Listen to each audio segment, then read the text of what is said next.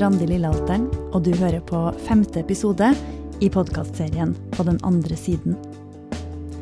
Hva slags muligheter venter på oss etter koronakrisa? Verden har fått en gyllen anledning til å restarte. Og gjør vi det riktig, kan vi kanskje berge denne kloden vår.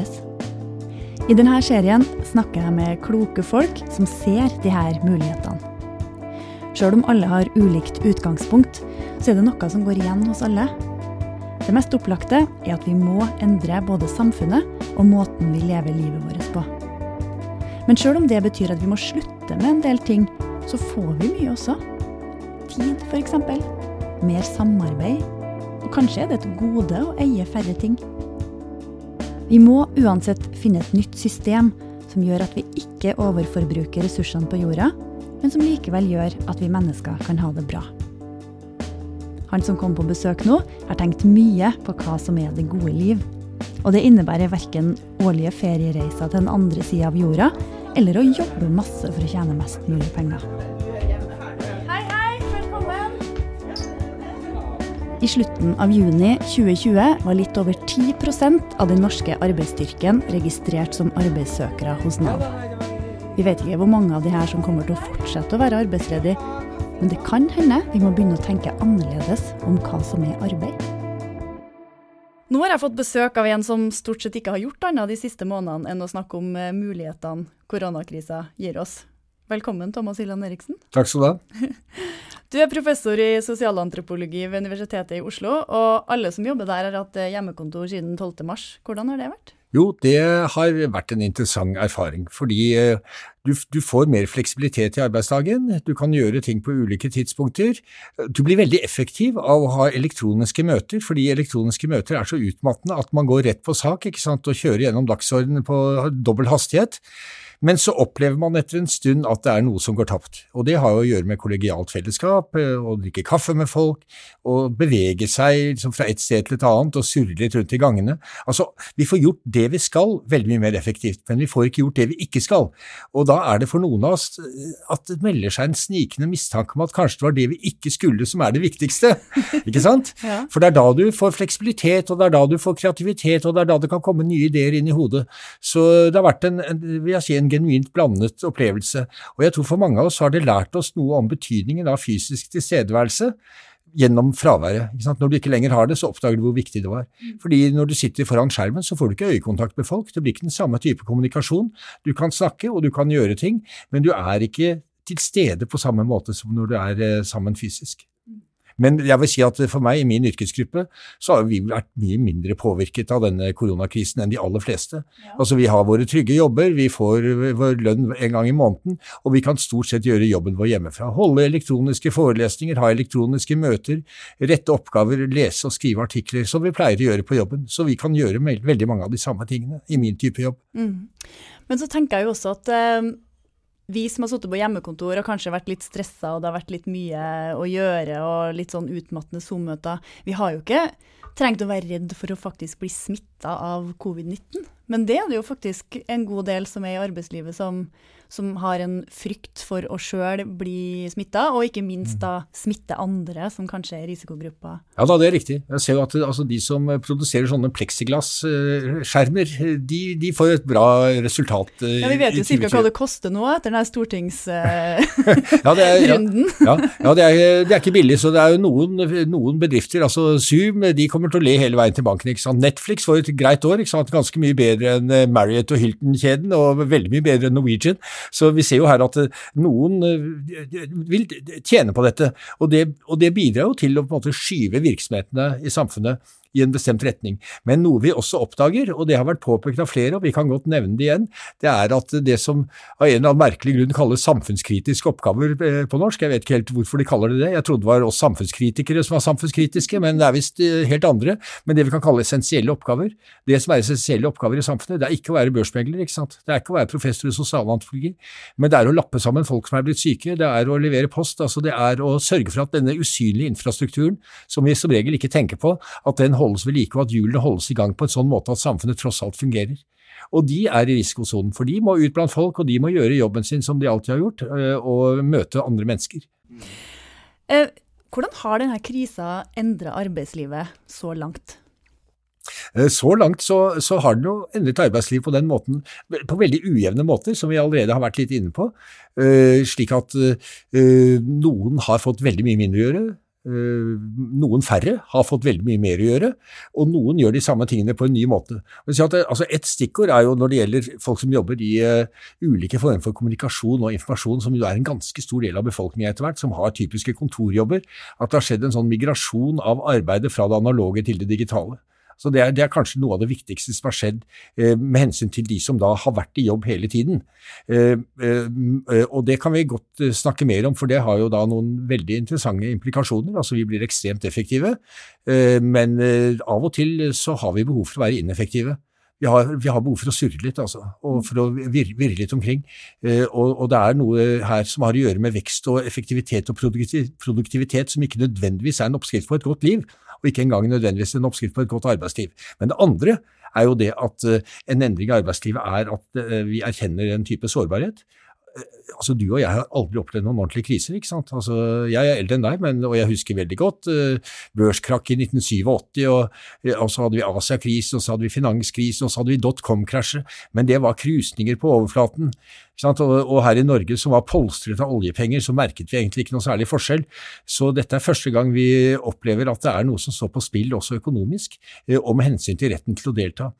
Kriminologen Nils Christie snakket allerede på 1980-tallet om at den viktigste knapphetsressursen i årene fremover i et land som Norge ville kanskje være kampen om å få lov til å delta, kampen om å få lov til å bidra og få anerkjennelse for det man gjør. Og det merker vi nå i veldig stor grad. Så den sårbarheten, eh, den har vi nok ikke opplevd tidligere. Og det, det, er noe vi må ta med oss videre når vi skal tenke på hvordan det nye arbeidslivet skal se ut. Mm. Men Si litt mer om det, for det tror ikke jeg har skjønt helt. Det med kampen for å få anerkjennelse for det man mm. gjør. Ja. Hva ligger i det? Jeg tror det er noe som ligger dypt i menneskets natur. Ehm, det finnes eh, et menneskesyn som går ut på at eh, folk flest har lyst til å være snyltere. Og Det er derfor vi må liksom, snakke nedsettende om navere, og det er derfor vi må hindre flyktninger å komme, for de har egentlig bare lyst til å ligge på sofaen og se på Netflix og drikke øl ikke sant, og spise potetgull, eventuelt brus hvis de er muslimer. Eh, og det er, ikke, det er, ikke, sant. Eh, det er nok noen få mennesker som har det slik, men de, de, de har det ikke bra med seg sjøl. For de aller fleste av oss vi har lyst til å få utfordringer, vi har lyst til å få lov til å gjøre noe som er vanskelig, og få det til. Og at én en eller to eller ti tusen mennesker gir oss en klapp på skulderen og sier at det du gjør er viktig viktig, og det er bra. Eh, eh, så, eh, og, og det å ikke ha den opplevelsen, det er vondt. Og det er også en grunn til at det er så mye depresjon blant folk som er langtidsledige, fordi de føler ikke at det er noe verdt. Nå kan man selvfølgelig stille spørsmålet, og det kan vi kanskje gjøre nå, når vi er i denne liminale, litt sånn merkelige limbotilstanden, hvor vi ikke helt vet hvor vi går, og hvor vi derfor har noen mulighetsrom som vi kan utnytte. Eh, er det virkelig lønnsarbeid som er eh, det eneste saliggjørende i denne sammenhengen, eller kan man tenke seg at man kan få anerkjennelse på andre måter, og kanskje til og med få noe å leve av på andre måter enn å drive med konvensjonelt lønnsarbeid? Mm. Den muligheten har vi faktisk i dette overflodssamfunnet vårt, for vi har mm. råd til å tenke de tankene. Vi skal gå dit snart, men jeg har lyst til å holde litt på den tråden her med anerkjennelsen og det ønsket om å bidra. Mm. Fordi eh, det ble jo oppretta veldig mange sånne her eh, Facebook-grupper sånn like etter 12. mars. Oslo hjelper Oslo, og Trondheim hjelper mm. Trondheim. Og, og, der er det jo veldig mange som har meldt seg inn, og som har bidratt. Um, jeg fikk et inntrykk av at det var, når det her skjedde, så fikk alle behov for å føle at man gjorde noe viktig. Mm. Ja, jeg tror det. Uh, og, og, det gir en god følelse. Og nå, nå, er det liksom, her I filosofien er det jo to skoler da, når det gjelder eh, etikk. ikke sant? Du har eh, sinnelagsetikken, og så har du konsekvensetikken. altså Det finnes noen flere, også, men det er hoved. Eh, og, og, jeg ser jo at eh, kynikerne mistenkeliggjør motivene til de som eh, starter opp og deltar sånn som sier de gjør det bare for å føle seg bedre selv, og for å føle seg moralsk overlegne. Mens jeg ville da si som konsekvensetiker at det spiller ingen rolle hva motivene er, så lenge resultatet er at de går og handler for eh, nabokjerringa, sant? at de er ekstra hyggelige mot folk de møter og prøver å ta seg av hverandre så godt de kan fordi de opplever at andre trenger det, så har ikke det så mye å si. Nå kan man også innvende Eh, og det har jeg også hørt, og det har du også, at eh, dette engasjementet har dabbet av. Og nå blir samfunnet gradvis normalisert mens vi sitter her og ting begynner å åpne igjen, og nå kan man ha møter eh, med publikum hvis de bare har tilstrekkelig avstand mellom stolene osv. Og, og at det derfor kanskje vil bli mindre av denne spontane solidariteten. Eh, men igjen er det, er det opp til oss. Det kan hende at vi her har trykt på en knapp som eh, en på-knapp, hvor vi ikke trenger å trykke på av-knappen etterpå, fordi vi oppdager at eh, det gjorde livet bedre i, i samfunnet å bry seg litt mer om hverandre. Og gjøre ting litt langsommere. Halse litt mindre og, og surre litt mer. Mm. For det her var jo oppgaver som samfunnet trengte at skulle bli gjort, ikke sant? Eh, og nå er det jo sånn at eh, det er mange som mister jobben. Det er, blir flere mennesker som, som, skal dele på mindre lønnsarbeid. Eh, hvordan kan man løse det? Ja, eh, er, Vi har flere alternativer, flere scenarioer. Og det synes jeg nå at uh, ansvarlige politikere burde ta veldig alvorlig. Det har de foreløpig ikke gjort, fordi instinktet hos elitene, både de økonomiske og politiske elitene, er at vi skal tilbake til der vi var før. For det er uh, den tilstanden som var før 12.3.2020 de har investert så mye i. Eh, av seg selv. ikke sant? Altså Jeg mener ikke investert i form av penger, men eh, de har investert veldig mye av sin personlige og politiske kapital i. Så de har et instinktivt ønske om å vende tilbake til der vi var tidligere. Mens vi andre, som er mer frie fugler i sivilsamfunnet, vi kan tenke andre tanker, og vi kan presse politikerne til å tenke, være med og tenke høyt rundt alternativer. Og da, altså Et alternativ er jo det som av og til kalles borgerlønn. Jeg mener at det burde kalles altså minimumsinntekt. altså Borgerlønn høres så borgerlig ut. eller så, feil, feil oversettelse. Det heter Universal Basic Income på engelsk minimumsinntekt trenger ikke være nok til å leve av. Det er det ingen egentlig som foreslår i et land som Norge. Men en, en, et, visst, et, visst, beløp som du får rett og slett som statsborger. Som ikke er trygd, men som er en ytelse du får. Uh, og vi kunne tenke oss en sekstimersdagen. Altså nå har det vært snakket om sekstimersdagen i alle år. Kanskje dette er tiden å iverksette dette på. Og kanskje man til og med kunne komme ned på femtimersdagen, for alt hva jeg vet. Da må du kanskje kjøpe deg en litt mindre bil og ha en litt mindre båt. Men du vil få mer tid til å vanne rosene dine f.eks., eller til å bake surdeigsbrød, som jeg ser at folk har begynt med. Jeg har begynt med det selv også. Mm, jeg begynte, jeg begynte med det litt før, da. Jeg satte min surdeig i januar. men, eh, men, nok om det. Eh, eh, altså mer fleksibilitet, og kanskje at altså, Så det er Man kan reorganisere arbeidslivet på flere måter. Man kan også tenke seg nye oppgaver, f.eks. omsorgsoppgaver som regnes i en nyliberalistisk virkelighetsforståelse som ulønnsomme. Så Det lønner seg jo ikke å ta seg andre mennesker. ikke sant? Det som lønner seg, er jo å, spille på børsen.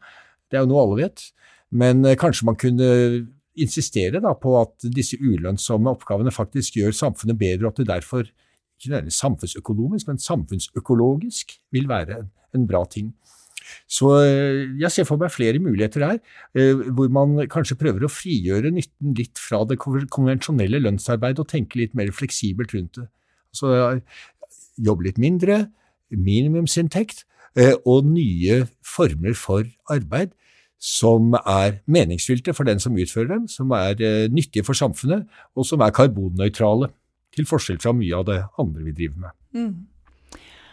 Og da er jo den situasjonen man får, at man eh, i stedet for å tenke på vekst både for seg sjøl og sin egen lommebok og, og samfunnet rundt, at man Uh, vi har jo alle en sånn drive om at vi gjerne vil gå videre i mm. yrkeslivet. sant? Og når vi skal gjøre det, så må vi jo få litt bedre lønn for å få mm. anerkjennelse fordi at vi har lært oss nye ting og tar mm. på oss mer ansvar og forskjellig. Um, hvis vi går vekk, helt vekk fra den tankegangen, da, ikke sant? vi får mm. det vi trenger av staten, mm. Mm. og vi ser rundt oss hvilke arbeidsoppgaver er det som trengs å gjøres. Kanskje bruker jeg fem timer om dagen på på min egen uh, journalistjobb. Men så ser jeg jo også at uh, Hulda over på andre sida av veien har behov for å få slått plena si, mm. eller uh, ja. et eller annet ja, annet man kunne ha bidratt med. Um, mm. Ja. Hvis man da, Det her høres jo helt sånn eventyraktig ut når jeg prøver å si det, når jeg snakker om det nå. Det jo, men, men, hvis man hadde mm. kommet dit, hva, hva, hva, gjør det? Hva vil det gjøre med relasjonene våre, ideene, mm. måten vi er sammen på?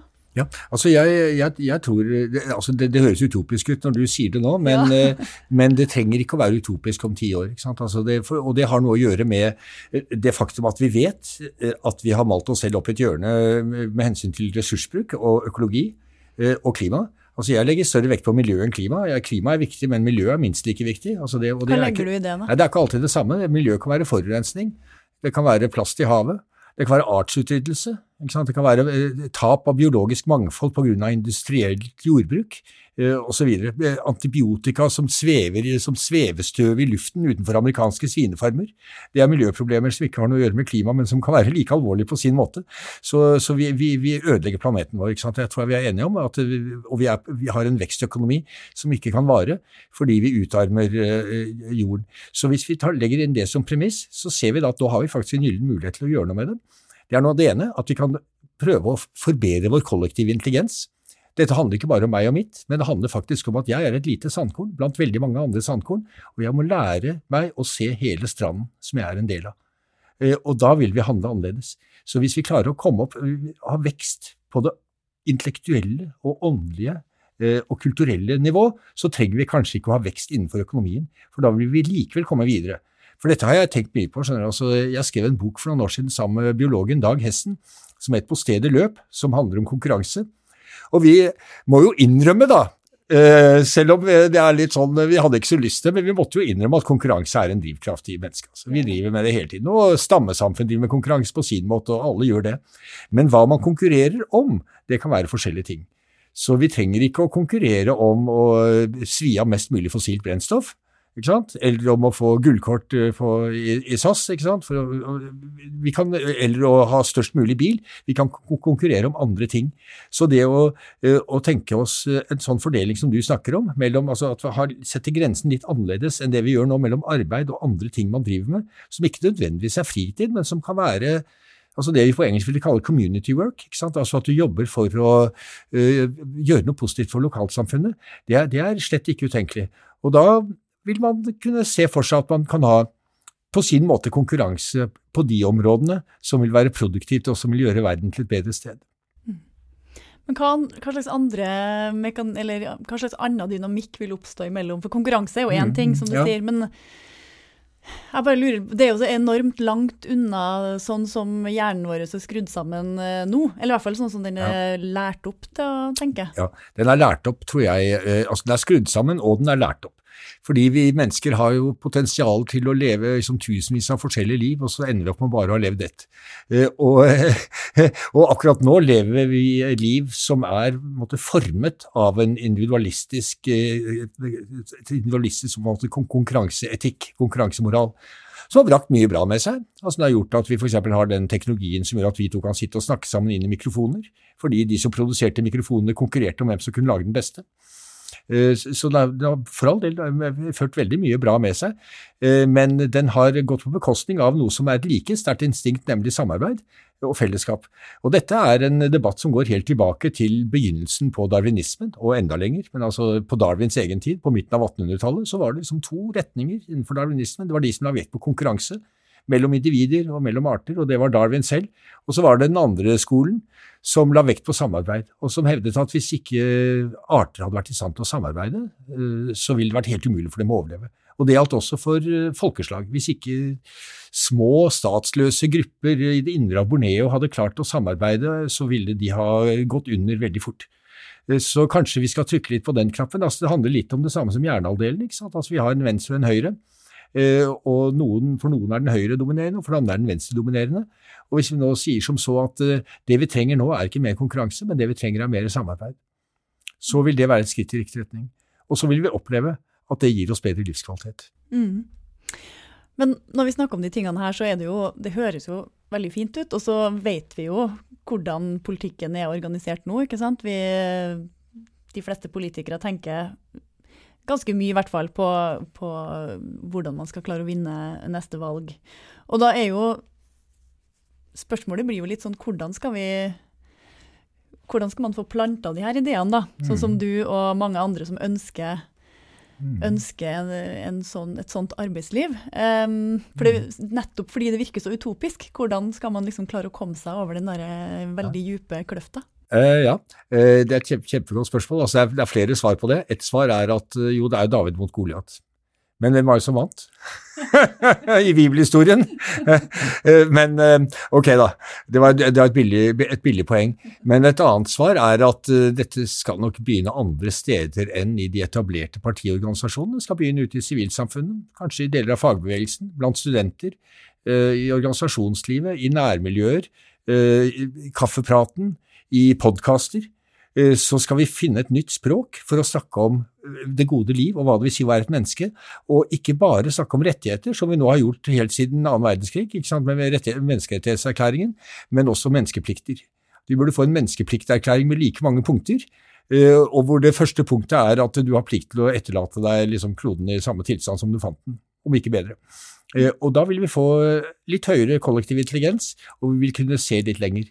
Altså Det sies jo det, eh, folk som da gjør bra ting, de, de, de, de unnskylder seg alltid med, ofte med at beskjeden beskjedent at ja, vi er jo dverger som står på skuldrene til kjemper. Uh, og, og, vi kan godt se oss selv på samme måte. Vi er dverger som står på skuldrene til kjemper, og fordelen med å være den dvergen er at du kan da se litt lenger. Hvis, hvis vi, vi, kan se litt lenger, og vi kan også se mot slutten av dette århundret og vite at hvis vi fortsetter som nå, så er det en oppskrift på kollaps. Mm. Og det burde være nok til at vi gjør ting annerledes. Ja, Men vi har, men, vi har ikke gjort det. Nei, nei, og det er nettopp det som er saken. Altså, Vi snakker her om viljens svakhet. Psykologen Per Espen Stoknes har skrevet interessante ting om dette. Han er en sånn grønn psykolog som jobber på BI. Eh, altså, hva er det som gjør at vi eh, handler på andre måter enn vi skulle ønske? Eh, du sier én ting, men det koster deg ikke to kalorier å være for alt det gode. Men det å gjøre det du sier, det er noe annet. Det er, det er Per Gynt, ikke sant. Å ville det og ønske det, ja, og tenke det med, ikke sant, men å gjøre det Det var da han så en kar som hadde hogget av seg fingeren for å slippe å gå i militærtjeneste. Per ville aldri gjort noe sånt, han rømmer i stedet. Eh, så det er viljets svakhet. Eh, og hvordan vi skal gjøre, gjøre, noe med det. Eh, jeg tror det er ved ikke å trykke på den knappen som heter dårlig samvittighet, og ikke trykke på den knappen som heter nå skal vi avkall på ting, eller vi skal tilbake til 80-tallet eller et eller annet sånt, men i stedet trykke på den knappen som heter lystprinsippet. Du vil få det mye bedre, du kommer fremover, du får en mer avansert modernitet, bedre livskvalitet, en mer rettferdig verden og en bærekraftig planet. Så vi har store, hårete mål her, eh, og det gjelder bare å tydeliggjøre dem, finne et språk for å snakke om dem, skaffe seg noen erfaringer som, at, eh, som forteller oss at dette var egentlig ålreit. Jeg skal si deg en ting, altså jeg hadde jo da ikke fløyet på tre måneder. Og så fløy jeg i går, da. Jeg var i Haugesund. Men det som slo meg da, tok inn på hotell i Haugesund. Det var fint å være sammen med folk. altså. Det var et lite publikum med, med, behørig avstand mellom stolene, men det var fint å være sammen med folk igjen. Men det var at uh, akkurat denne delen av jobben min uh, savner jeg ikke så veldig. Jeg ville heller vært hjemme sammen med kona mi, vært ute og puslet litt i hagen bakt et surdeigsbrød. Thomas Hyllen Eriksen, tusen takk for at du kom til hotellstudioet vårt. Takk skal du ha for at jeg ble invitert. Det var veldig hyggelig.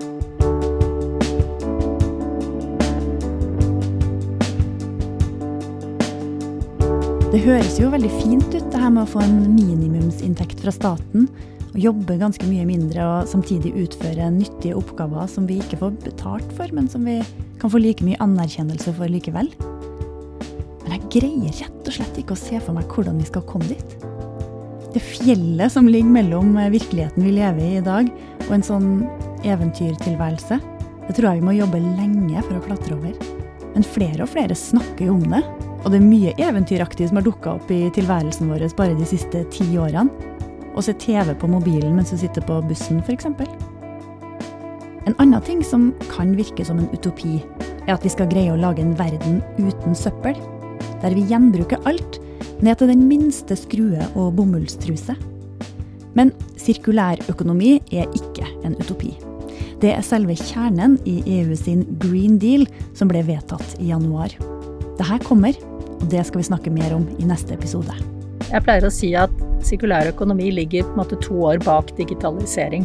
Da jeg begynte i Sintef i 2016, så var det som et vippepunkt på digitalisering. Alle skjønte at det kom til å bli viktig, i løpet av ganske få måneder, faktisk. Og sånn er det også nå med sirkulær økonomi. Alexandra Bech Gjørv er konsernsjef i Sintef og fronter en hel rekke med prosjekter innenfor sirkulær økonomi. På den andre siden er laga av Kirsti Svenning og meg, Randi Lillealteren. Anders Bang-Kertzner har laga musikken, denne podkasten er laga av Historiebruket for Agenda Res Publica Media, og redaktøren heter Halvor Fines Trettvoll. På den andre siden har fått støtte fra stiftelsen Fritt Ord. Hvis du ikke abonnerer på denne podkasten ennå, så anbefaler jeg deg å gjøre det. Da kommer alle episodene automatisk inn på telefonen din. Og da kan vi høres igjen ganske snart. Ha det!